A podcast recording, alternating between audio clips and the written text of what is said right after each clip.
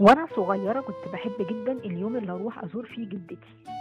جدتي الله يرحمها بيتها كان دايما مفتوح للكل.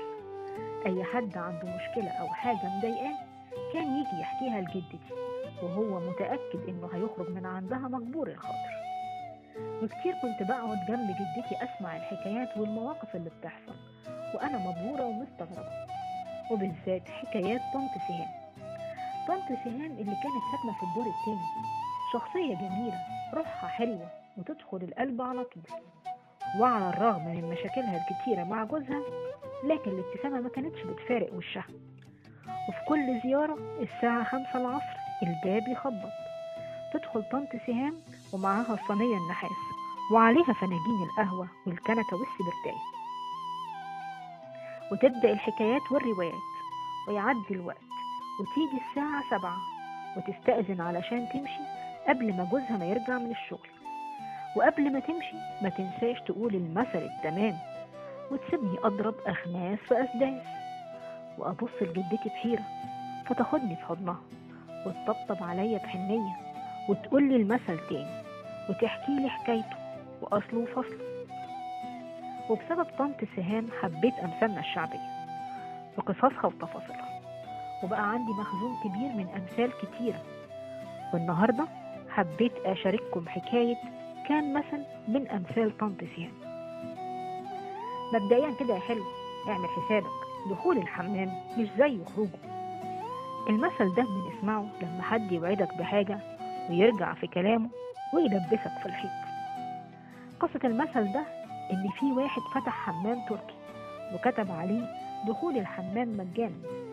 وطبعا الناس ما صدقت وانتهزت الفرصة ودخلوا الحمام. واستمتعوا بالمية السخنة والمساج واتدلعوا آخر دلع. وهم خارجين كان في انتظارهم مفاجأة لا على البال ولا الخاطر. صاحب الحمام خبى هدومهم ورفض يسلمها لهم ولما سألوه على الهدوم قال لهم لما تدفعوا الأول. قالوا له إزاي؟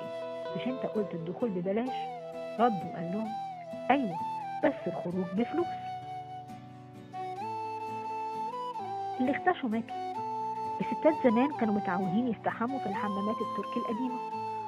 وفي مرة من المرات حصل حريق كبير جدا في واحد من الحمامات. والستات علشان تنقذ نفسها من الحريق طلعوا جري بلبس الحمام زي ما هم كده. واللي اتكسفوا وخافوا يخرجوا كان مصيرهم الموت.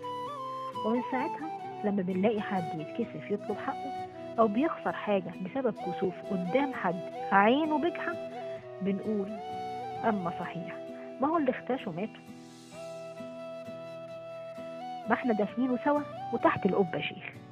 مثالين مرتبطين ببعض. الحكاية بتقول إنه كان في اتنين تجار واحد اسمه نائل اللئيم والتاني اسمه عطية أبو المفاهيم. الاتنين بيبيعوا زيت على حمار يتيم ما حدتهمش غيره. وفي يوم مات الحمار وتجارتهم وقفت. كانوا عايزين فلوس بأي طريقة. فواحد فيهم قال للتاني ما تيجي ندفن الحمار ده ونبني فوقيه مقام ونقنع الناس إن في شيخ من أولياء الله الصالحين وليه كرامات مدفون تحت المقام ده. وفعلا الناس صدقت وكل اللي ليه حاجة يجي لصاحب المقام محمل شيء وشويات من القرابين ويدعي بصلاح الحال. وفي يوم نائل اللئيم سرق نصيب عطية أبو المفاهيم من القرابين. فما كان من أبو المفاهيم إلا إنه قال له تديني نصيبي ولا حدع عليك شيخ المقام؟ رد نائل اللئيم وقال له أنت صدقت نفسك ولا إيه؟ شيخ شيخ إيه؟ إيش حال ما كناش دافنينه سوا. أمثالنا كتير ما بتنتهيش. كل مثل وراه قصة وحكاية. أمثالنا دايما موجودة معانا في أفراحنا وأحزاننا. أمثالنا اللي ورثناها عن أجدادنا. واللي اتنقلت من جيل لجيل. حتى إحنا جيل الآيفون والواتساب بنقولها في هزارنا وضحكنا. في post بنعمله share أو comment بنكتبه لحد عزيز علينا. إحنا المصريين مش بس معروفين بخفة دمنا لا وكمان مشهورين بأمثالنا الشعبية. وبكده نكون وصلنا لنهاية حلقة النهاردة. أتمنى تكونوا قضيتوا وقت جميل. ما تنسوش تعملوا subscribe علشان يوصلكوا كل جديد. كان معاكم أروى عبد المعز. استنوني يوم الاثنين الجاي الساعة ستة. ويسعد مساكم